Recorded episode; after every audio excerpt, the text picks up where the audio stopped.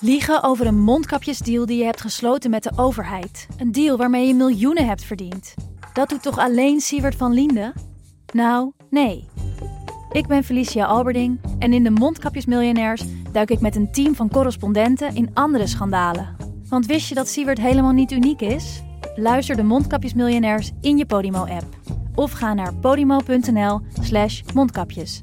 En probeer Podimo 30 dagen. podimo.nl slash mondkapjes.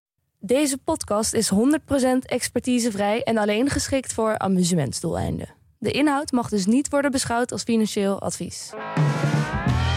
Dit is Jong Beleggen, de podcast. Ik ben Milou, En ik ben Dennis. want Pim is nog op wintersport, jawel. En deze aflevering hebben wij het over snelle groeiers. Ja, en niet gewone groeiers, maar gewoon echt snelle groeiers. Ja, hoe waardeer je zo'n bedrijf eigenlijk? Echt wel lastig. En daar moet je ook eh, best wel even een beetje geduld voor hebben. Eh, ik neem aan dat we ook een paar voorbeelden gaan bespreken. Ja, we gaan het eh, hebben over Upstart en DocuSign komt langs. En, en natuurlijk ook wat de groeiers uit het verleden, bijvoorbeeld Amazon. En we bespreken aan het eind ook nog even Just Eat Takeaway. Ook nog even een kleine portefeuille-update. God, wat hebben we veel te doen. Laten we maar zo beginnen. Yes.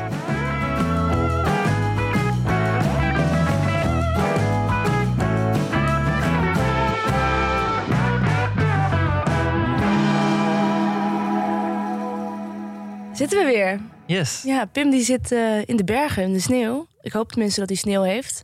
Want vorige week was hij in Spanje. En dan verwacht je, dat is lekker weer. Maar het schijnt alleen maar geregend te hebben de hele tijd. Oh, echt. Ja, en vergelijk dat eens met waar wij nu naar zitten kijken. Oh, Mhm. ik heb het idee dat het, al, dat het de hele maand al zo is. Nou goed, we gaan het niet over het weer hebben natuurlijk. Waar gaan we het wel over hebben? Ehm, nou, wat in ieder geval wel eh, leuk is, om, eh, we hebben het vorige keer natuurlijk eh, gehad over de bear markets en de bull markets. Ja. En ik zag vandaag een plaatje op het internet verschijnen dat er nog een derde cat- categorie bij is gekomen. Dat zijn de kangaroo markets. Ehm, en dat is natuurlijk wat, wat ludiek bedoeld, maar Ja. het is wel een beetje waar we nu in zitten. Want het is echt gewoon één groot eh stuiterfestijn. dus de kangaroo markets, dat is een mooie ja? om het te typeren, denk ik. Maar, maar is dat zo? Want ik volg het dus niet heel erg, moet ik zeggen. Ik, ik lees af en toe de krant dat de beurzen, bla bla, bla olie, energie, allemaal moeilijk. Eh, dat snap ik. Maar ik volg, ik, ik ben dus gestopt met kijken op die app. Want ik, Ja, maar als ik zou kijken, dan zie ik het stuiteren. Ja, absoluut. En ik heb het zelf ook gemerkt, want ik heb, eh, ehm, ik heb wat transacties gedaan en ook wat extra bijgestort. En ik merkte gewoon dat op een gegeven moment wou ik wat verkopen, maar dat was in de Amerikaanse markt, ging later open. En de volgende ochtend wou ik weer kopen in de Europese markt. En toen stuitte het alle kanten op en dacht ik van, hoe kan het nou? Nou staat het in één keer een stuk hoger dan gisteren. Dus ik baalde een beetje. Mijn hele timing op dagbasis ging door de war. Ja. Omdat iets wat eerst op min 5 stond, stond de volgende dag op plus 7. Nou, dat is een beetje de, hoe het heen en weer stuit. Ongekend Ja. stuiter. Waar ik aan moet denken is, soms sta je in de file, weet je wel. Maar zo'n file die eh, best wel doorrijden, stilstaan. Best wel doorrijden, stilstaan. Zo'n harmonica. Ja, dat ding. is het een beetje. Ja. Dat is het ook. hè. Maar eh, waardoor, hoe komt dat, denk je? Dat het, eh, dat het zo stuitert? Nou, de enorme onzekerheid. Dus er, er, moet, er is zoveel nieuw nieuws en nieuwe informatie elke dag weer. Maar hebben we dit nog nooit eerder dan meegemaakt? Want er is wel vaker onzekerheid natuurlijk. Maar jij zegt, ik zag vandaag dat plaatje verschijnen, die kangaroo. Heb je er nog nooit eerder van gehoord? Nou, nee, niet, niet van de typering kangaroo market, zeg maar. Maar goed, deze onzekerheden, dat is, niet, dat is niet nieuw. Dat is natuurlijk vaker voorgekomen. Ja. Maar we weten nu natuurlijk niet precies waar, welke kant het op gaat op korte termijn. En dat, Ja. eh, dat brengt wat onzekerheden met zich mee. Ja. Oké, nou tot zover de kangaroo eh, market. We houden het in de gaten. In deze aflevering hebben we het over eh, groeibedrijven. En dan Ja. niet zomaar een beetje groeibedrijven, begreep ik. Nee, we hebben het echt over echt snelle groeiers. Hè. Je hebt twee basiscategorieën. Je hebt de- value-categorie en de groeicategorie. Ja. Dat zijn enorme containerbegrippen. Maar echt dat stukje groeiers, de extreem snelle groeiers... of de nieuwe groeiers, hè, waar allerlei nieuwe producten in zitten... die zijn gewoon best wel soms lastig te vatten... maar vooral ook heel lastig te waarderen. Dus daar eh, gaan we het even over hebben. Ja, de Sifan Hassans onder de aandelen. Precies. Onderscheiden deze zich ook doordat ze gewoon echt heel snel, heel snel groeien? Of, ik hoorde je ook zeggen, nieuwe bedrijven. Ja, het zit er natuurlijk. Kijk, een groei, eh, dat is normaal een beetje het onderscheid. Dus of het value is of groei. Als de groei ergens boven de 15% is, dan zou je kunnen zeggen: het is een groeibedrijf. Dat is een vrij globale schifting. Alleen, je hebt natuurlijk ook bedrijven die met een totaal nieuwe product komen. of echt een disruptor zijn in een bepaalde markt. En die groeien en vaak met veel hogere percentages. Maar het is ook nog eens een keertje eh, zo onzeker waar dat naartoe gaat, omdat, er, omdat het zo nieuw is. Dus je hebt heel weinig historie om je op te baseren. Uh, en dat maakt het een soort van subcategorie in de, in de groeiaandelen. Oké, dus we hebben het niet alleen over de percentages. Dus het zou kunnen. Een, een normaal groeibedrijf, wat is een, daarvan een percentage wat je zou gebruiken? Ja, doorgaans 15, 15% plus. Dan zit Ja. je wel gewoon in een, in een groeibedrijf. En de snelle groeier, dat is dan vaak meer, maar het hoeft niet per se. Nou, misschien niet per se. Want je zou een beetje de definitie los kunnen laten van ehm, het groeipercentage. Maar eh, als je heel erg kijkt naar heeft het bedrijf een nieuw product of vervangt het een product in de bestaande markt? Of creëert het misschien een nieuwe markt? Als je dat als definitie hanteert, dan heb je een beetje, nou in ieder geval waar we het vandaag over gaan hebben. Heb je historische voorbeelden daarbij, dat ik even een beeld ervan heb? Ik denk dat Amazon het mooiste historische voorbeeld is. Maar wat was dan disruptive voor hun? En wat was, wat was een eerste ding wat zo nieuw was? Ook weer? Nou, dat begon natuurlijk gewoon bij het online kopen van spullen in Ja. plaats van eh, in winkels. Ja. Ehm, dat, dat was niet per se een nieuwe markt, want het is nog steeds gewoon de spullen. Er werden niet andere spullen verkocht. Ehm, maar de manier van verkopen was natuurlijk heel anders. En, en dan ook nog los van het feit dat Amazon daar ook nog een, een hele andere draai aan heeft gegeven door het echt een platform te maken. Maar goed, dat, dat is later in de tijd gekomen. Maar in essentie is dat gewoon een draai in hoe eh, kopen we als consument onze spullen. Want was Amazon voor veel mensen op dat punt dat zij dat bedachten, was het dan, dan voor veel mensen te herkennen als een snelle groeier? Het kan ook, ja, achteraf is natuurlijk altijd makkelijk te zien. Ja, en, dat is het. Hè. Het is vooraf is het is natuurlijk heel lastig te, te- bepalen wie de winnaars eh, gaan worden en wie of welk bedrijf succesvol gaat zijn. En bij Amazon was dat ongetwijfeld ook heel lastig in die begintijd. Maar ja, goed, die, die hebben natuurlijk wel, die hebben ook, die hebben met een nieuw product waarbij we op dat moment in ieder geval geen idee hadden van hoe groot kan dat gaan worden, hoe snel kan het gaan groeien. Dus zoveel, eh, je hebt geen vergelijkingsmateriaal. Hè. Er is niet een ander bedrijf die dat al doet. Ehm, Ja. Mhm. Heb jij wel eens snelle groeiers geïdentificeerd in het verleden?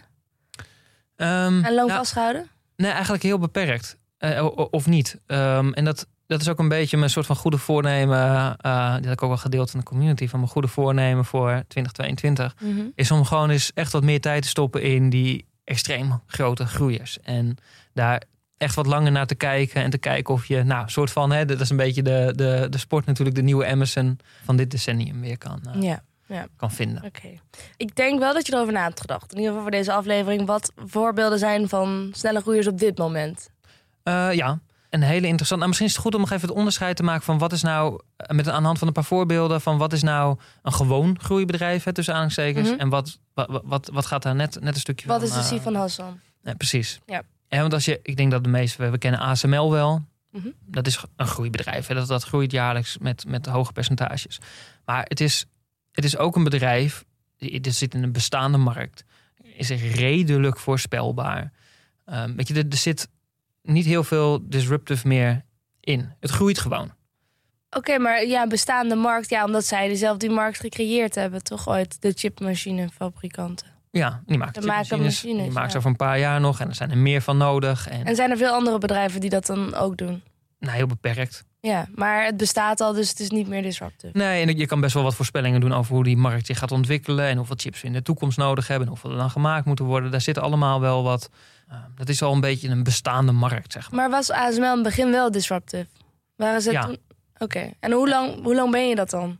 Ja, dat is een goede vraag. Dat is ook heel lastig te bepalen. Maar er komt wel een moment. Ergens komt er een omslagpunt waarbij je.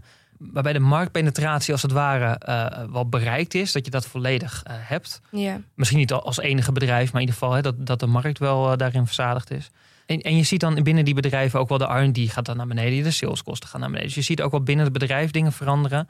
Alles wordt, gaat iets meer gericht worden op eh, kostenbeheersing en op klantbehoud. En Ja. weet je, een hele andere dynamiek gaat er ontstaan. Ja, ja, eigenlijk is het, het businessmodel wat zij hebben, is Mhm. al enigszins bewezen. Behoorlijk bewezen. Ja, Wat ook laat zien is dat er minder risico eigenlijk bij zit om daar dan in te beleggen. Het is wel redelijk bestaanszekerheid. Ja. Ja.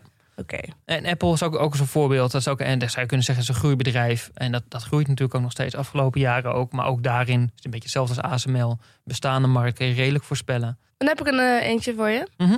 Facebook. Dat is een mooie. Ja, want Facebook is natuurlijk bestaan. Doet het Ja. al lang met eh, nou, eh, Facebook, wat we allemaal kennen. Eh, Ja. wat, Instagram erbij, WhatsApp erbij. Eh, maar nu hebben ze dus iets nieuws. Precies. En Meta. eigenlijk wat, wat ze hebben gedaan is een soort van de omslag gemaakt. Of nou, niet de omslag, maar ze hebben iets anders nog erbij toegevoegd, zeg maar. Van eigenlijk een, een soort van saaie groeier. eh, met het hele meta, de metaverse toevoegen en daarop gaat. Dat is een volstrekt nieuwe markt. Wat disruptive zou kunnen zijn. Ja, voor, voor een heleboel andere markten. Of de manier hoe we met elkaar, weet niet, samenwerken, maar misschien ook wel gewoon elkaar ontmoeten. Daar kan heel veel in veranderen. Mhm. En dat, dat is een brok wat ze toevoegen. En dat is, dat is het typische voorbeeld van. Gaat ongetwijfeld enorm veel gebeuren de komende jaren. Kan een hele grote markt worden. Maar hoe dat er precies uit gaat zien is super lastig te voorspellen. Ja. En dat is precies het stukje wat eh, het en interessant maakt en super lastig. Dus over als wij deze podcast tien jaar later zouden maken, of ik weet eigenlijk niet Mhm. op welke termijn ik moet denken, misschien wel twintig jaar, zouden wij nu met terugwerkende kracht kunnen zeggen dat is een snelle groeier. Maar voor hetzelfde geld wordt het een flop. Ja, zou ook nog kunnen, absoluut. Ja. ja, en het is ook de vraag, ik bedoel, los van of die markt groot wordt of niet, dat is de vraag.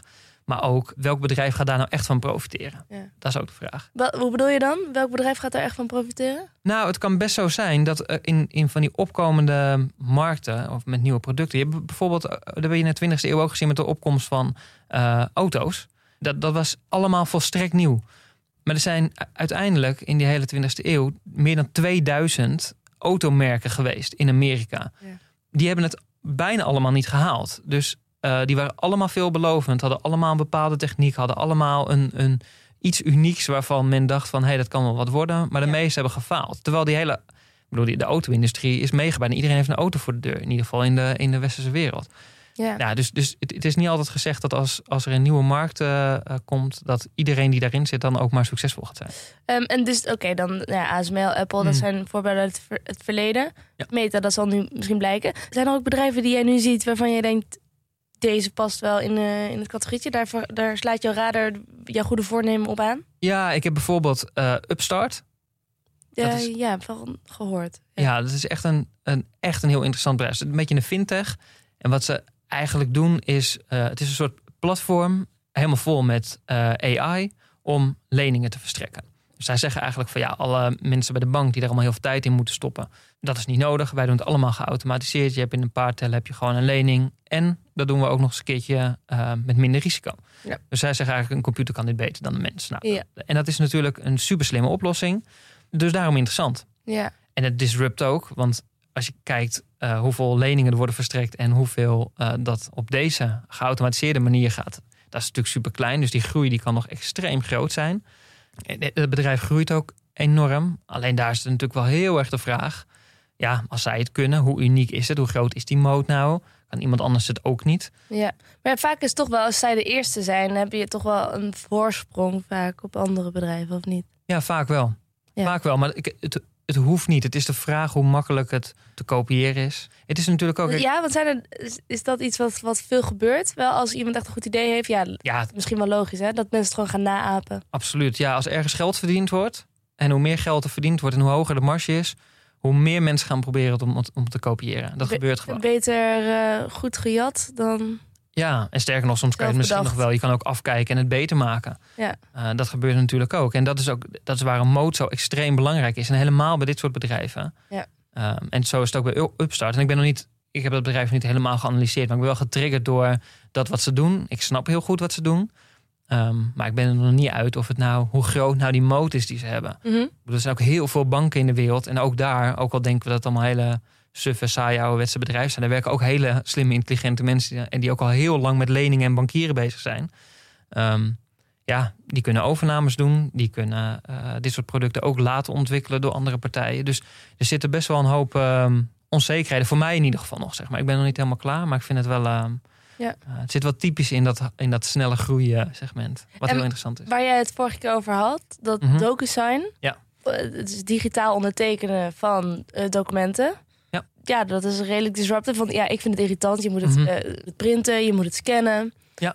Je moet het dan versturen. Dat is altijd gedoe. Ik heb ook geen scanner. Ik heb ook geen printer eigenlijk.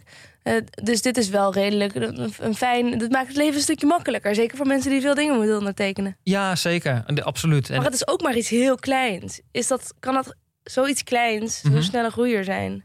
Eh, ja, blijkbaar. De- dat- dat sowieso. Eh, want het, het groeit gewoon heel erg hard. Het klinkt zo niche. Het klinkt zo van, ja, oké. Ja, en, en het, dat stukje is ook een niche. En dat is, vind ik het mooi aan DocuSign. En dat is ook waarom ik het interessant vind. Want alleen dat stukje digitale handtekening... dat is ook nog vrij makkelijk kopieerbaar. Iemand anders kan het ook ontwikkelen. Dat is helemaal niet heel uniek. Alleen alles waar DocuSign op inzet... is niet per se op het stukje dat je je handtekening digitaal kan zetten. Mhm. z- dus zij zetten in op dat totale proces van overeenkomsten. Ja. En dat is natuurlijk voor als je consument bent en je moet af en toe wat ondertekenen, is dat misschien niet zo interessant. Alleen voor grote bedrijven, Ja. Waarbij er een mega traject en een groot proces met heel veel mensen en specialisten achter zit om overeenkomsten sowieso tot stand te laten komen, maar ook daarna om ze te beheren en om daar eh, verder goed, manage- goed, dat goed te managen. Ehm, ja, er zit een wereld achter. En dat is waar ze enorm op inzetten. Om dat te automatiseren. Om daar ook allemaal AI toe te voegen. Ja, in die wereld, daar is zo extreem veel te winnen. En niet alleen in het eh, dus digitaal ondertekenen, maar ook in die andere wereld. En ook Ja. het digitaal ondertekenen, dat is nog maar... Die marktpenetratie is super laag. Echt minder dan 10% van de handtekeningen gebeurt nog digitaal. De rest gaat echt nog via eh nou, printen, scannen of... eh, Maar dat klinkt wel als iets wat ook best wel makkelijk te kopiëren is. Gewoon een, dus een technologie over een, een digitale handtekening ergens onder kunnen zetten. Maar die niemand kent, DocuSign nog. Nee, nou, dus dat is hier. Maar in Amerika is het al een soort van een, eh, een werkwoord eh, geworden. Eh, Kun je dat even DocuSignen? Ja, kun je DocuSignen. Dus, dus daar, daar zijn ze daar misschien wel wat verder in. Maar, ehm, en, en natuurlijk, de techniek van het digitaal ondertekenen, dat is wel te kopiëren. Er zijn ook heel veel partijen die het ook doen. Dus dat is, dat is niet zo spannend. Maar ik denk wel dat als je kijkt hoeveel geld DocuSign steekt in RD. op het gebied van die hele achterkant van ehm, agreements. Als daar zoveel in geïnvesteerd wordt en zoveel in ontwikkeld wordt. en zoveel AI aan toegevoegd wordt. Daarin zetten ze zulke extreem grote stappen. Dat is ook heel lastig te ontwikkelen, heel lastig te implementeren. Daar kom je, niet zo, je komt niet zomaar binnen met eh, dat hele eh, proces. En het geld wat ze daarin stoppen en hoe slim en goed ze daar langzamerhand in worden. Mhm. Ja, ik denk dat ze, daar, dat ze die voorsprong die gaan ze niet snel weggeven. Er zijn er kapers op de kust. Je hebt Adobe.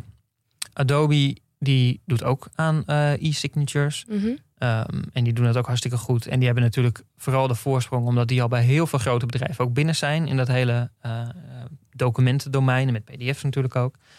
Alleen je ziet dat zij voegen een handtekening toe aan hun bestaande productaanbod, zeg maar.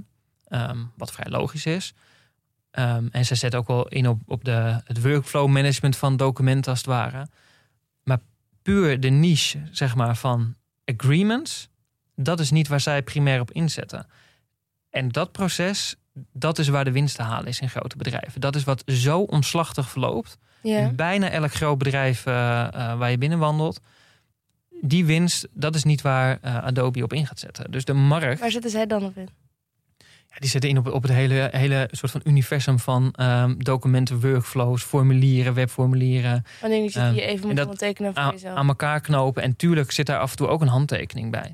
Maar het, is niet, het heeft niet de focus op agreements. En als grote bedrijven geld willen besparen, sowieso in het proces, maar ook eh, door fouten te voorkomen, door gewoon beter je contracten te managen. ehm, dat is waar DocuSign op zit. En daarin zijn ze echt uniek. En het is ook, en dat is het ook hè, met die grote groeiers. Je ziet vaak een soort van misvatting met de zoektocht naar een soort van alleenheerser. Maar die, die gaat in bijna geen enkele markt komen. Hè? Dat je een soort van monopolist bent, omdat je de enige bent die het aanbiedt. Mhm. Je moet wel iets unieks hebben. En dat, dat is het belangrijke waar ik naar zoek. Het is ook niet dat Amazon de enige webwinkel is of zo. Hè? Dat, dat waren ze niet. Nee. En dat zijn ze nu nog steeds niet. Maar Dus je moet niet uniek zijn in precies wat je doet, maar ehm, hoe je het doet meer. Want je kan Ehm. meerdere webwinkels hebben, maar wat maakt Amazon dan zo uniek? Of wat maakt DocuSign zo uniek?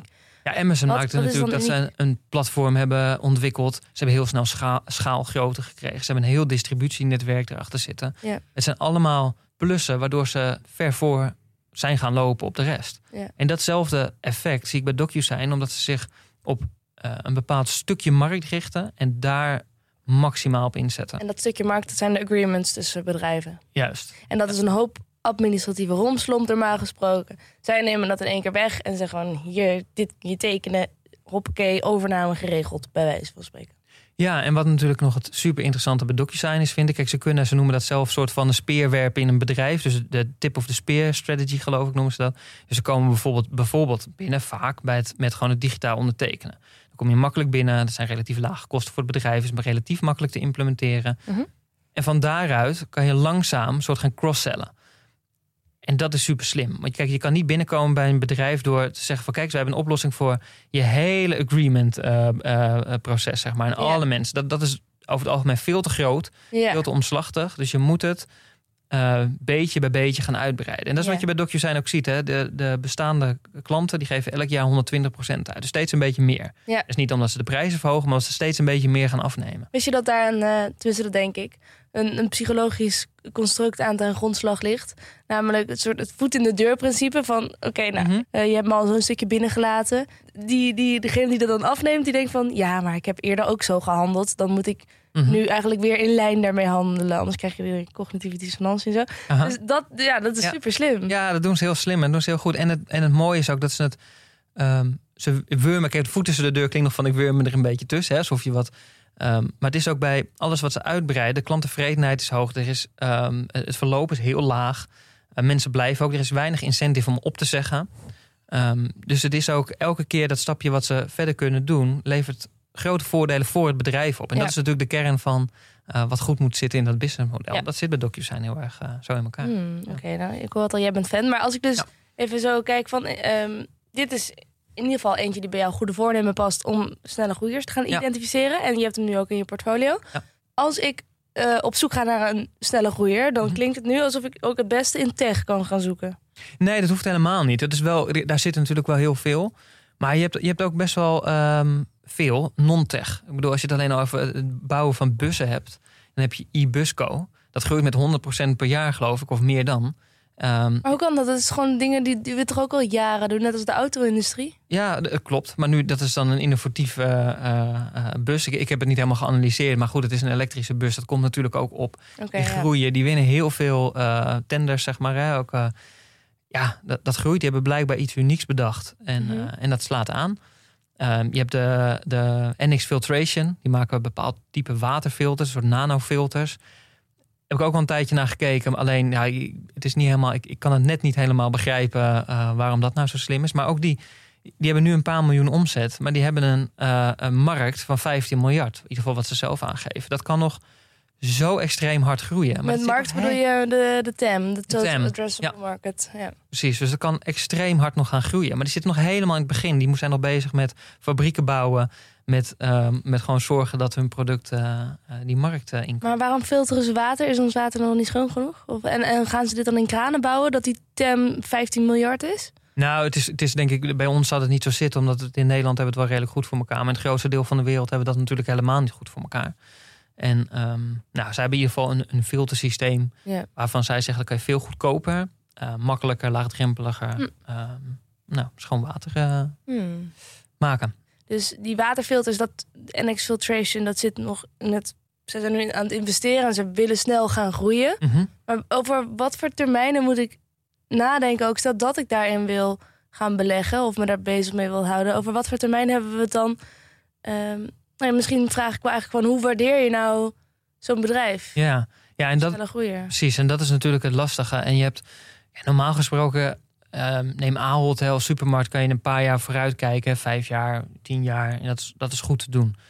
Hier heb je natuurlijk, de waarde zit nooit tussen nu en vijf jaar. Daar, daar wordt of geen geld verdiend, Ja, is maar dat, heel echt, weinig. is dat echt een stelregel? Dat is eigenlijk echt te kort, vijf jaar? Ja, Dat- veel te kort. Veel te kort. Want daar, daar gaat gewoon de winst niet gemaakt worden. Of er wordt misschien wel een beetje winst gemaakt. Maar die bedrijven zelf ook, die, die zijn aan het investeren om over, over tien jaar. Of eh, hè, de, eh, de- tussen de vijf en de vijftien jaar ergens in. Oké. ehm, eh, dan goed winstgevend te zijn. Of ergens Ja. volwassen te worden na tien jaar. Maar dat maakt het ontzettend moeilijk om te waarderen. Dat lijkt me ontzettend gecompliceerd worden. Ja, en wa- wat je daar vooral wil doen... Kijk, bij- wat ik net zei, bij Ahold weet je al gewoon ongeveer... wat zijn de marges, hoe groeit die markt een beetje. Dat is al helemaal gesetteld, zou je kunnen zetten. En misschien doen ze een beetje landje pik bij de Jumbo of, of bij de Lidl. Ehm, misschien kunnen ze wat optimaliseren. Dat zijn allemaal kleine beetjes waar je misschien nog een beetje aan kan tweaken. Mhm. Bij die groeibedrijven wil je eigenlijk gaan voorspellen... hoe ziet het eruit over 10 jaar, 15 jaar... als het ook een Ahold is geworden, zeg maar. Als het ook een volwassen bedrijf is. Ah, hoe groot is dan die omzet? Hè? Hoe, hoe groot kan dat worden? En hoeveel kosten maken ze dan nog? Wat zou dan de marge zijn? En hoeveel blijft dan onderaan de streep over? Ja. Je wil een soort van voorspelling doen. Hoe ziet het bedrijf eruit als het volwassen is? En hoeveel geld verdient het dan? Ja. Dat is waar je naar op zoek bent. Oké, dus we hebben het eigenlijk over pubers die alle kanten op kunnen springen en Mhm. onvoorspelbaar zijn, maar misschien wel veelbelovend, maar dat weten we pas als ze volwassen zijn over tien jaar. Ja, je probeert de puber probeer je te voorspellen hoe gaat die worden als Ja. die later groot is. Ja. En, eh, Ja. En dat is natuurlijk bij Amazon ook een beetje gebeurd. Als je kijkt, en dat is niet eens super lang geleden, maar ergens vanaf 2010, 2011 tot vijf jaar daarna, 2015, is die win, dat winst per aandeel van Amazon zat tussen de, tussen de min 60 cent en, en de plus anderhalve dollar. Dat was net niks. De winst per aandeel. Winst per aandeel. In de, in de jaren daarna, 2016, 2017, is het wel een beetje richting de 5 dollar, de 6 dollar gegaan. Maar dat is nog steeds, voor de Amazon begrippen, super laag. Ook voor wat de koers er toen was. Ja. Maar vanaf dat moment is het echt in een rechte streep ehm, naar meer dan 65 dollar per aandeel gegaan in eh, 2021. En de voorspellingen voor, ik geloof 2023, 2024 gaan over de 100 dollar per aandeel. Oké. En dat is natuurlijk, je zoekt niet naar, hey, is het volgend jaar 1 dollar of 2 dollar of 3 dollar. Je zoekt naar, wat doet het over 10 jaar? Ja. En gaan ze dan die 100 dollar halen of wordt het 40? Zeg maar, dat is de cruciale. Ja, uh, 40 is ook al lekker, toch? Of niet? Ja, dat, maar dat ligt weer natuurlijk aan, aan hoeveel je ervoor moet betalen. Ja. En dus daar is het altijd van afhankelijk. Maar Ja. dit is, ehm, het is in ieder geval het voorbeeld van toen Amazon een puber was, zou je kunnen zeggen. En ehm, hoe ze opgroeien. Ja. Oké. Ja, het is toch altijd weer dat ik heel erg het gevoel heb van ja, achteraf is het natuurlijk makkelijk praten van Amazon. Hoe kun je dus nu bepalen of een bedrijf waarvan jij denkt dat het een snelle groeier is, dat dat er aan zit te komen, dat het echt een veelbelovende puber is? Ja, nou, wat ik in ieder geval doe, kijk, je hebt bij de meeste van dit soort bedrijven, bijna allemaal, heb je bepaalde bouwblokken als het ware, die je los van elkaar zou moeten analyseren en iets, iets van voorspellingen aan moeten toevoegen of aan, op basis van aannames om te komen tot een waardering. En is dat, is dat eigenlijk heel anders dan hoe je een, eh, een waardeaandeel zou doen? Want daar heb je waarschijnlijk ook bouwblokken waar je naar kijkt. Ja, alleen die zijn al bekend. Dus daar, je, hoeft, je kan daar vaak al iets verder in je analyse beginnen als het ware. Omdat je, want je, je weet al hoe, dat, hoe de omzet en hoe de, de marges een beetje in elkaar steken. En dan blijft er op een gegeven moment een, een netto cashflow over. Ja, ja, en hier moet je die bouwblokken zelf een beetje visualiseren. Hoe dat in de toekomst eruit gaat zien. Ja, dus je wil weten wat er on- bij, die, bij de meeste bedrijven, gewoon volwassen bedrijven, value bedrijven, weet je al wel wat, de- wat de winst is. En kan je al beginnen vaak bij wat is de winst nu en hoe gaat zich dat de komende jaren ontwikkelen. Ja. Hier ben je echt op zoek naar wat gaat er later onderaan de streep overblijven. Dus je bent heel erg, je gaat eigenlijk het businessmodel een beetje door de financiële bril bekijken. Ja. Door bepaalde bouwblokken, die gaan we even langslopen. Ja, en daar probeer je een voorspelling aan te hangen. Ja. Door de jaren heen.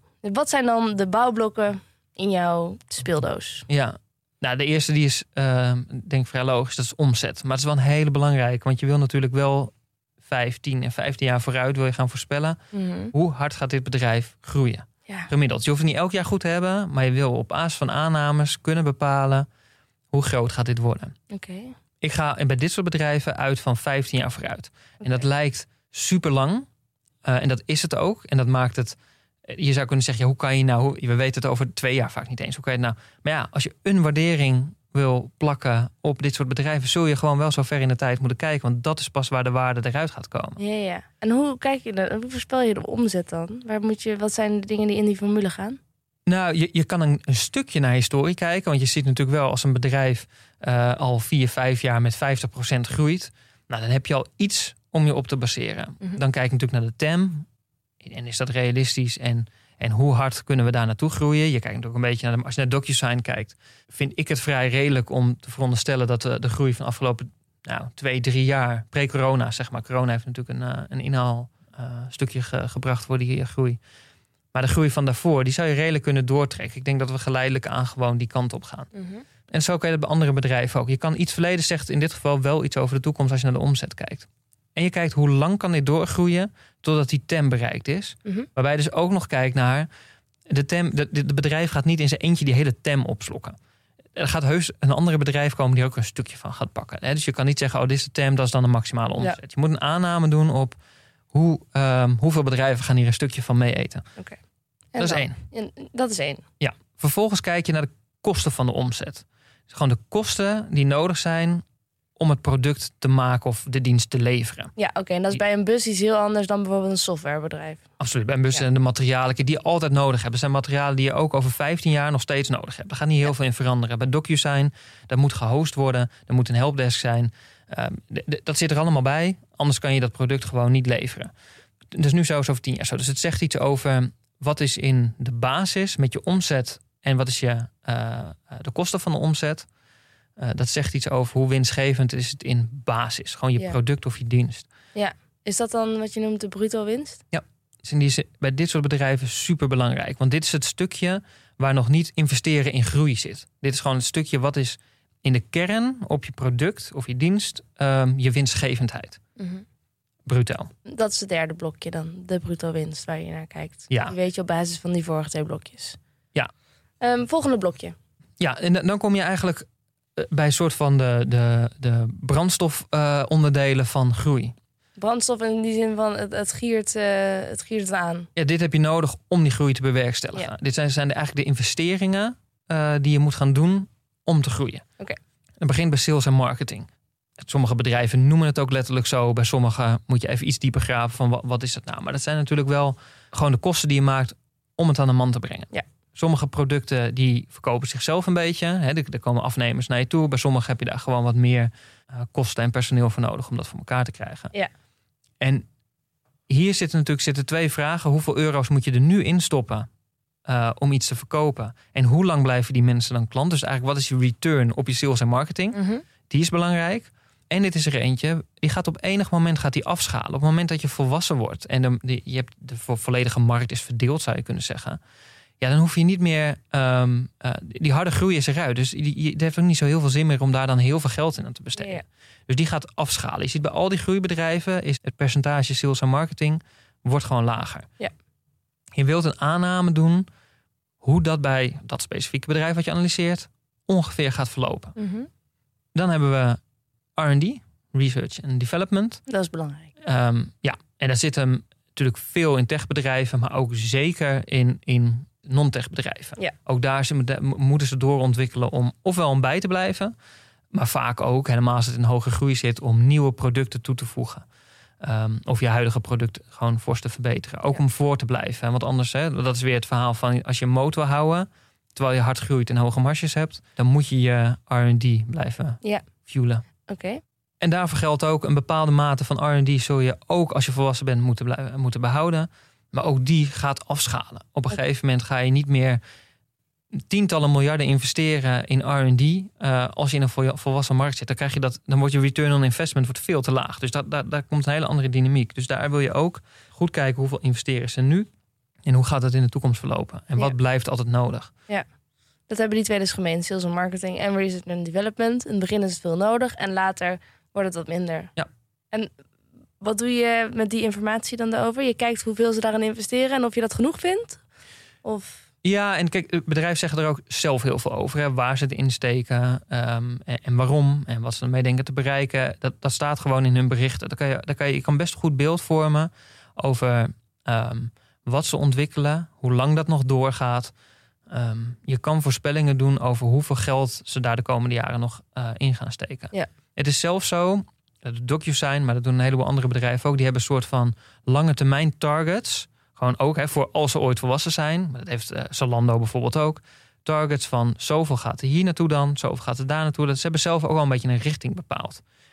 Als je dat verhaal kan volgen, kan je natuurlijk ook die percentages op lange termijn gewoon gaan gebruiken in je, in je Excel-sheets. Ja, oké.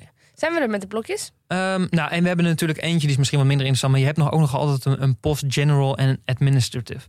Een, een soort van ehm, ja, overheid heb je nodig, je moet administratie voeren. Je hebt een HR-afdeling, je hebt kantoorpanden. Die schalen natuurlijk ook wel af in percentage eh, van je omzet naarmate je groter wordt. Maar goed, dat is va- vaak een iets kleiner deel, maar het is wel eentje die je eventjes ehm, mee moet nemen. Je algemene kosten die je ook gewoon als bedrijf hebt. Oké. Ehm, Is het, past het dan niet gewoon bij kosten van de omzet? Ehm, nee, want of je een, een kantoorpand hebt, zeg maar, dat, dat gaat schalen, zeg maar. Als je een pand hebt met heel veel bureaus en stoelen en een HR-afdeling, ehm, je schaalvoordeel gaat er echt. Hele grote bedrijven hebben, is het percentage is veel lager op dit. Ja. eh, eh, Ja, ja, maar we hadden ook een, een blokje kosten van de omzet. Daar hoort bij, de, dus de hostingkosten had je het over, eh, fabrikagekosten voor Mhm. producten. Ja, maar er zit niet de HR-afdeling in bijvoorbeeld. Die zorgt er gewoon, die is ondersteunend voor Ja. je salesmensen of voor eh, de mensen die het product maken Ja. of leveren. Of, nou, Ja, oké. ehm, het, het is allemaal wat ondersteunend is, omdat je anders gewoon. eh, het, is- het is Ja. meer olie voor je en hele dat andere heeft organisatie. echt meer direct met het product te maken. Juist, ja. Oké, ja. En wat moeten we hier dan mee? met die aannames die je hebt gedaan, op alles wat je hebt gelezen en geanalyseerd van het bedrijf, Voorspellingen? eh, precies, Ja. Ga je dus op zoek naar dat bedrijf over 10 of 15 jaar, als het volwassen is, hoe het er dan uitziet. Hoe dat businessmodel financieel gezien, hoeveel geld moeten ze investeren, hoeveel omzet maken ze, wat zijn de marges en hoeveel blijft er dan onderaan de streep over. Ja. Wat is een beetje de, uh, de range waar ze dan in gaan zitten. Ja. En dan zie je dus wat het verdienmodel uiteindelijk hoe dat eruit gaat zien. En hoe ze dat hebben vormgegeven. Dat hele businessmodel heb je dan uh, staan voor de toekomst. Ja. En wat je er dan mee kan doen, is het net als andere bedrijven, uh, want je weet dan wat de winsten of de cashflows in de toekomst gaan zijn, die kan je gewoon terugrekenen naar het hier en nu. Net zoals dat je, we hebben in een eerdere aflevering natuurlijk ook over gehad, hoe waardeer je dat nou met een discounted cashflow methode? Je rekent gewoon de toekomstige winsten terug naar het hier en nu. Dat is het daadwerkelijke waarderen. En dan kun je kijken, oké, vind ik het waard nu uh, Ja. om dit ervoor te betalen, de koers waar het nu op staat. Want het kan nog steeds een snelle groeier zijn en een mooi bedrijf, maar als het te duur is en meer mensen hebben dat gezien, dan zou jij niet instappen. Nee, en die zit hem ook heel erg in. eh, Het is natuurlijk, alles wat je hier gaat doen is enorm onzeker. Er zitten echt grote onzekerheden aan de voorspellingen die je doet. Dus het is, je kan met dit soort bedrijven ook niet zeggen, dit is het precies waard, zeg maar. Hè? Alleen wat je wel kan zien, en dat is bijvoorbeeld het voorbeeld van Shopify bijvoorbeeld. Is echt wel een populair aandeel. Nou, de laatste weken misschien niet meer, maar dat, dat was het wel. En ook dat is een bedrijf waar ik inmiddels aan het volgen ben. Ik vind het een super interessant bedrijf. Maar toen het een paar weken, maanden geleden op 1500, 1600 dollar stond. En ik doe deze exercitie, dan moet er zoveel omzetgroei en zoveel margegroei in zitten. Ja, die, die kon ik in ieder geval niet onderbouwen. Daarmee zeg ik niet dat het niet mogelijk is. Maar Ja. ik, ik, kon, het- ik kon het niet eh redelijkerwijs onderbouwen dat dat een goede waardering zou zijn. Ja, er moest dus ja, zoveel gebeuren. Ja. En dat maakt dat ik, daarmee kan ik niet zeggen, dit is het precies waard. Maar ik, ieder geval met, met mijn aannames, kon ik wel zeggen, dit is voor mij te duur. Gewoon, dit zit niet meer in de zone van redelijkheid. Nee. Nu zit het volgens mij onder de 600 dollar. Dan is is het verhaal heel anders. Dan zou je weer ehm, wat anders naar kunnen kijken. Zo zijn er meer bedrijven die ehm, buiten de zone van redelijkheid zitten. Zeg Ja. maar. En het gaat hier ook om dat je een supergoed bedrijf koopt tegen op zijn minst een redelijke prijs. Ja. Je bent hier niet aan het bodemvis op een of ander eh, eh, koopje. Maar toch, je zegt het al, het is zo onzeker. Ja. Ehm, dus je moet wel met een bepaalde mate van onzekerheid die in je model zit, ehm, genoegen nemen. Maar er zijn ook momenten waarop ik kan zeggen, ja, ik snap dit gewoon niet genoeg. Ja. Wel, dat, dat je niet snapt wat die, hoe die bouwblokken nou precies zitten. Mhm. Of dat je toch denkt van, ja, ik zou er ook echt goed naast kunnen zitten. Dus hoe bepaal je welke mate van onzekerheid eh, go- goed is? Ja, en hier is het het allerbelangrijkste dat je het echt snapt. Het is hier, in deze categorie is gewoon veel moeilijker om het echt te snappen. Want het is een soort van onbekende toekomst waar we naartoe gaan. Het is Ja. veel makkelijker om de supermarktbranche te snappen, zeg maar. Ja. Als je daar maar op inleest, dan ga je het echt wel begrijpen. Dus je moet het product echt snappen, bedoel je? Het product, de markt en ook nog eens een keertje waar het zich naartoe beweegt. Want je gaat een voorspelling doen niet alleen op het product en het bedrijf, maar ook gewoon op hoe de wereld er over een paar jaar uit gaat zien. Hoe dat dan anders functioneert met het product Ja. en het bedrijf. Uh, het heeft een enorme onzekerheid wat dat betreft. En, Ja. en daarom moet je het nog beter snappen of doorleven. Dat is bijvoorbeeld het probleem waarom ik bij Shopify bijvoorbeeld nog niet ben ingestapt. Er zit gewoon bij mij een stuk. Ik snap het bedrijf best aardig op papier. Maar ik, doorle ik heb zelf geen webshop. Ik maak geen gebruik van het product. Ik ken ook maar heel weinig mensen in mijn omgeving die er ook maar iets mee te maken hebben. Dus ik Ja. moet het. Voor mij is de aanloop om het echt te- te snappen en te doorleven is net wat groter. Misschien komt het wel. Ja. Uh, maar ik ben er nog niet. Ook al lijkt het nu goedkoop. Ja, ik, ik moet hem eerst even helemaal snappen. Ja. En dat is gewoon in deze categorie bedrijven gewoon lastiger. Ja.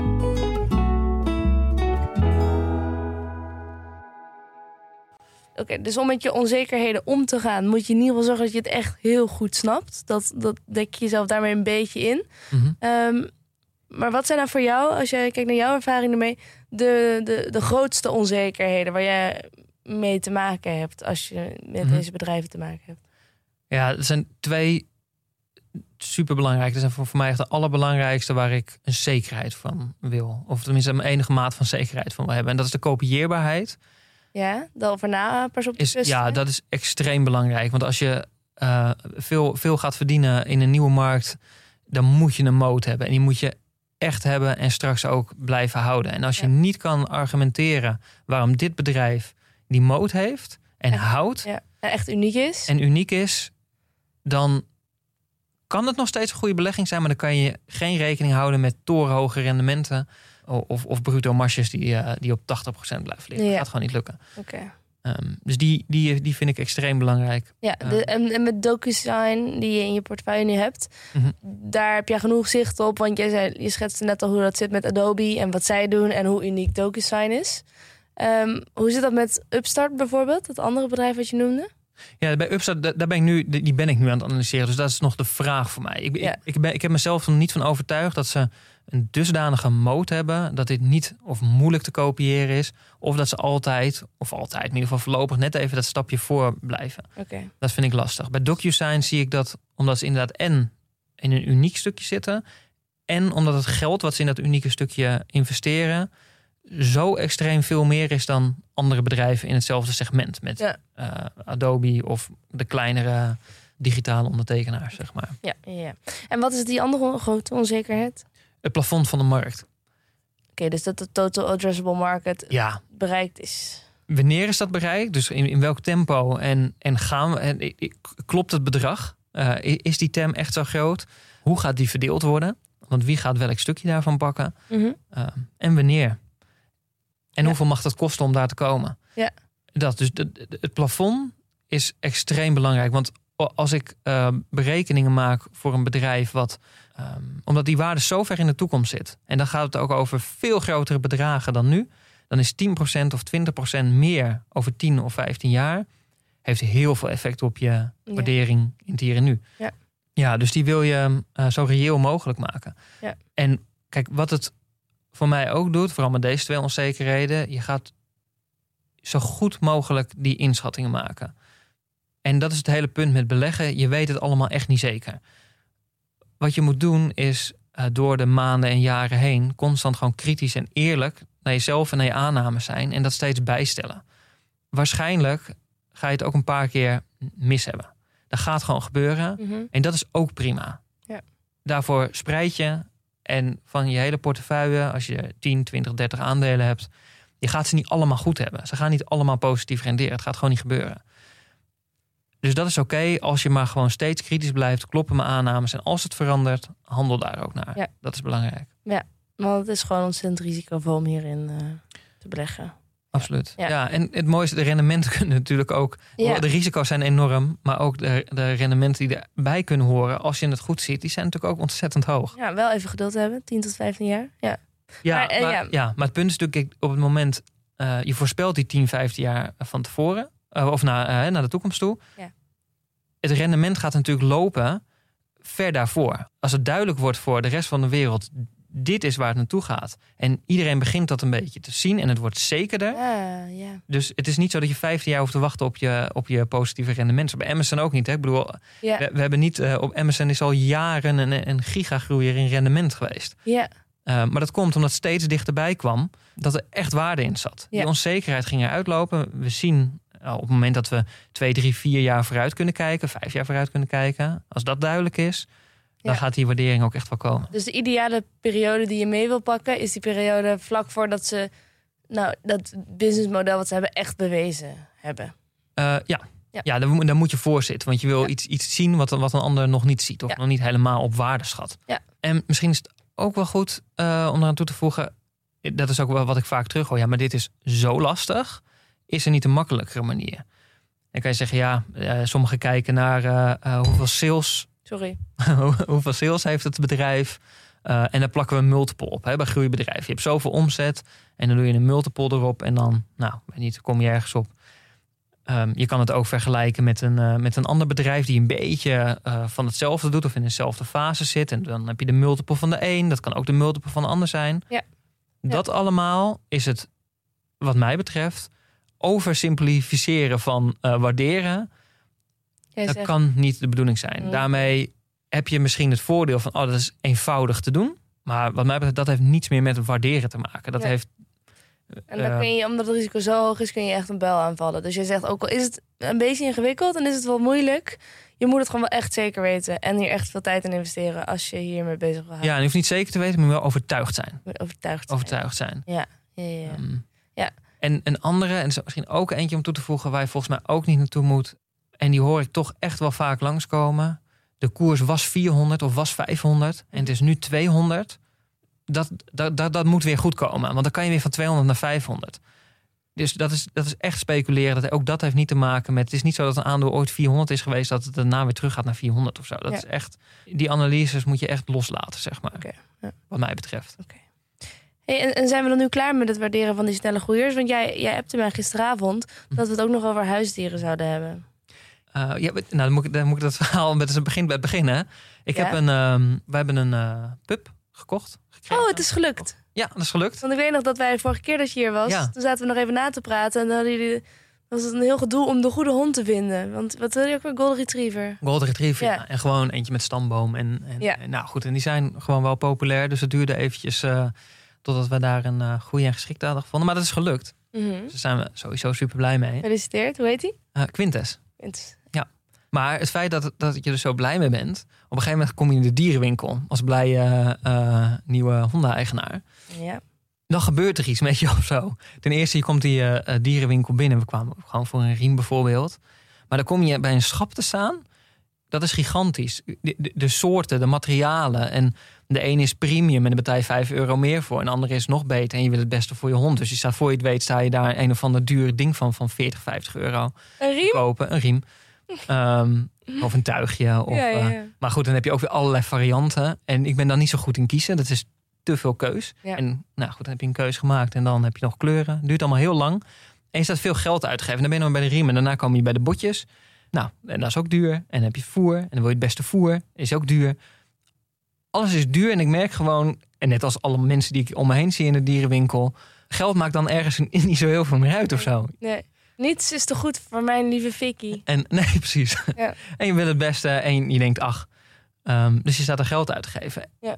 Maar in, het, met het, in hetzelfde zag ik, er staat ook gewoon Made in China op. En weet ik, dus ik denk, ja, de pro- productiekosten van dat spul, dat moet hartstikke laag zijn. Dit is een slim businessmodel, dus dan ben ik gaan zoeken.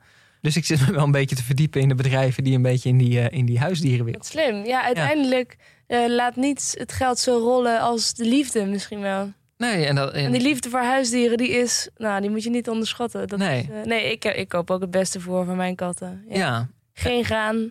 ja, en dan zit je dus ook bij de dier- dierenvoeding, wat ontzettend duur is. Ja, Dennis, wel een tip. Bestel het online en niet Ja, de winkel. Dat doe ik al. Oké, En eh, bij Amazon overigens. oké. Ehm, Ja. Ehm, maar en dan kom je dus ook, en bij de dierenarts kom je en nou, dus, dan zie je hoe de hele wereld een beetje in elkaar steekt. En dus ik zit ook naar die aandelen te kijken. Van welke bedrijven doen dat nou heel slim? En dan kom ik op een gegeven moment kom ik bij eh IDEX Laboratories. Mhm. Super interessant bedrijf. Dat zit heel erg in die dierenartsenwereld. de diagnostische eh, ehm, eh, apparatuur en de software die ze daar gebruiken. Mhm. Ehm, nou, fijn. Maar daar, eh, dat vond ik interessant. Dat ben ik aan het bekijken. En dan kijk ik naar hoeveel. En dat groeit ook heel hard. Eh, dan kijk ik naar wat dat bedrijf nu aan omzet heeft en hoeveel geld daar verdiend wordt. Als ik dat, die waardering, zeg maar, eh, eh, zou moeten verklaren, in ieder geval de koers wat het nu is, ja, dan moeten volgens mij alle dieren morgen ziek worden eh, in, in de wereld. En eigenlijk het liefst ook nog het aantal dierenartsen keer vier in de wereld. Ja. Ik denk gewoon niet dat dat op korte termijn heel erg gaat gebeuren. Dus, Ja. En dat is er ook eentje. Het zit zo ver. Het is een super interessant bedrijf. Het groeit hard. Het, heeft, het is een wereldmarktleider. Het is, ehm, ik, ik kan bijna alle vinkjes in mijn fundamentele analyse zetten. Mhm. Dat kunnen er waarschijnlijk meer. En dan kijk ik naar de prijs en denk ja, maar dit, die, die, die kan ik gewoon niet, Oké, niet rondbreien. Oké, dus je houdt hem in de gaten. Ik hou hem in de gaten. Ja.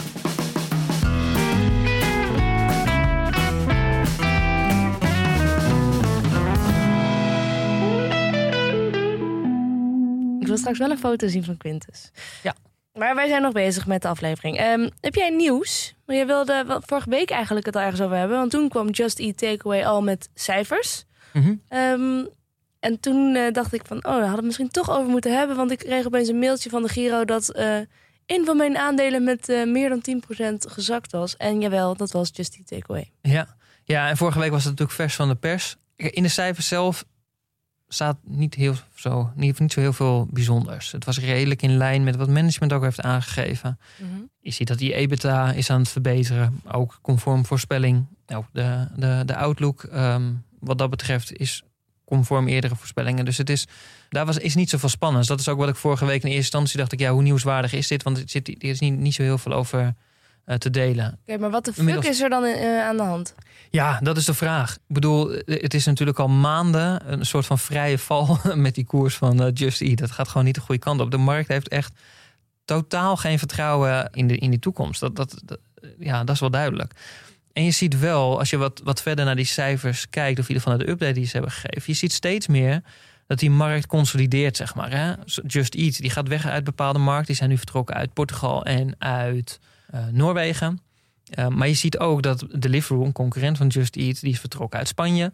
En zo zie je dat het allemaal, hè, Jitse Groen noemt het ook, het wordt wat rationeler als het ware. Hè? Ja. We gaan niet meer onbeperkt geld pompen in iets wat je niet winstgevend krijgt. Dus dat is een beetje um, aan de hand. En dat is natuurlijk een positieve ontwikkeling. Je ziet nu ook heel erg dat die uh, flitsbezorgers, de Gorilla's en de Getters en, en, en dat soort bedrijven, die hebben het extreem zwaar om ook nog geld aan te trekken of om naar een beurs te gaan. Die, die hebben het heel lastig, omdat daar gewoon grote verliezen worden geleden. Dus je ziet langzamerhand, zie je ook investeerders wat rationeler worden, bedrijven worden wat rationeler. En dat gaat helpen voor Just Eat. Ik, ik, ik zie nog steeds, als de voorspellingen zoals ze dat, uh, het management dat, dat uitspreekt en waar het tot nu toe ook naartoe gaat, Mhm. dan zie ik nog wel een, uh, een goede toekomst voor Just Eat. Alleen het is daar gewoon de cruciale vraag. Gaat die winstgevendheid er nou wel of niet komen Ja. over uh, een paar jaar? Heb jij het in je portfolio? Ja. Zwaar in het rood, net als de rest van de Just Eat Ja, ja. investeerders. Ja. Ja. Ja. en het is aan de andere kant, het is voor mij. Ik vind, ik, ik vind dit echt een lastige waar ik echt aan, ook aan mezelf twijfel van. Als de hele markt lijkt het wel door het putje heeft gespoeld. En het niet ziet zitten in die toekomstige winstgevendheid. In ieder geval, dat doet de koers uh, vermoeden. Zie ik het dan verkeerd? Ja. Ik heb het nog, uh, maar dat maakt ook dat ik het niet bij durf te kopen. En dat is eigenlijk. Ik worstel daar wel mee, want het is een soort. Als ik het anders zie, dat is het moment waar je geld kan verdienen. En ik ben nog steeds, ik ben er nog steeds van overtuigd. Ja, ik vind het nog steeds. bij jou. Ja, en dat doet het ook. Want het, maar ja, ik, um, uh, ik heb hem nog eventjes um, on hold, zeg maar. Ja. Krijgen we ook nog een portfolio-update van jou? Nu, uh, ja, nu moet je je kans grijpen, want volgende week is Pim weer terug. Precies, nou ik kan in ieder geval wel eventjes toelichten wat de afgelopen weken wat ik heb gedaan. Want we hebben Ja. natuurlijk gehad over bijstorten als de markt naar beneden gaat. Ja? Ik geloof vorige week donderdag, vrijdag is het echt heel erg hard naar beneden gegaan. Ik heb ook bijgestort. En, deze, uh, en begin deze week heb ik uh, uh, transacties gedaan. Ik heb um, Alstom bijgekocht. Dat, is, dat, dat ging op enig moment op maandag geloof ik met iets van 13% onderuit. En dat was nog maar 16,50 euro geloof ik. Daar heb ik het op gekocht. Inmiddels is dat gelukkig weer een beetje hersteld. Um, en ik heb um, Archie Daniels Midland deels verkocht. Die is door die uh, onrust uh, met Rusland en Oekraïne uh, fors gestegen. Omdat nou, alle um, voedselprijzen omhoog schieten. En daar profiteert Archie Daniels van. Maar volgens mij wordt dat korte termijn effect een beetje te veel op de lange termijn doorgetrokken. Dus daar heb ik een deel van verkocht. En ik heb um, Smurfit Kappa teruggekocht. Hey. Ja, dat is echt, ik voel me bijna een handelaar. Want ik heb dat, ik had de Kion had ik natuurlijk kort geleden verkocht. Ja. Uh, of deels verkocht. En dat heb ik nu weer teruggekocht deels. Smurfit Kappa had ik helemaal afscheid op, uh, van genomen op, ik geloof, 41 pond. En nu stond hij op 28 pond. En um, nou, in mijn optiek slaat dat nergens op. Uh -huh. um, dus die heb ik weer fors bijgekocht. Dus volgens mij nu 6% van mijn portefeuille. Dus daar ben ik... Blij mee. Maar het voelt een beetje als een handelaar. Als, nu heb ik volgens mij in één kwartaal heb ik uh, op twee posities soort van verkocht en gekocht. Ja. Dat komt echt. Uh, ik kan me niet herinneren dat ik dat uh, zo snel achter elkaar eerder heb meegemaakt. Hmm. Nou, dus kom je ook een beetje over als een handelaar. Ja. Ja. ja. Ik moet ook nog transacties doen. Dat ga ik, uh, ga ik straks meteen even doen, denk ik. Maar het maakt wel, hè, in de, in de kangoeroemarkten waar we nu in zitten, ontstaan dit soort kansen wel. Die op de lange termijn. Uh, de korte termijn effecten kunnen we niet voorspellen. Maar de lange termijn uh, die, die blijft echt wel in stand. Ook door de onrusten die we nu zien. Goed. Um, nou, mooie laatste woorden. Um, volgende week is Pim terug. Maar ik ben er niet om hem te verwelkomen. Want dan zit ik voor de verandering eens een keer in de bergen. Lekker. Er is wel een vervanger van mij, schijnt. Ik word ook vervangen. Ja, ja, ja. Het zal blijken of ik vervangbaar ben. Nee, ik heb er heel veel vertrouwen in dat het goed gaat komen. Sophie komt mij vervangen. En het onderwerp van volgende week is ook met een gast. Remy Gieling gaat het met Pim en Sophie hebben over kunstmatige intelligentie. Ook wel AI. Dus ja, meer weet ik ook niet van, jongens. Jullie zitten moeten afwachten. Nee, super interessant, denk ik. Heel, veel benieuwd. dank, Dennis, ja. voor dat jij uh, hier Pim wilde vervangen. Je hebt het weer met verven gedaan, ik kan niet anders zeggen. Uh, nou ja, ik denk dan weer tot de volgende keer, hoop ik. Ja, vast wel. Oké, okay, goed. Nou, en jongens, dan jullie uh, deze boodschap nog. investeer in je kennis en beleg met beleid.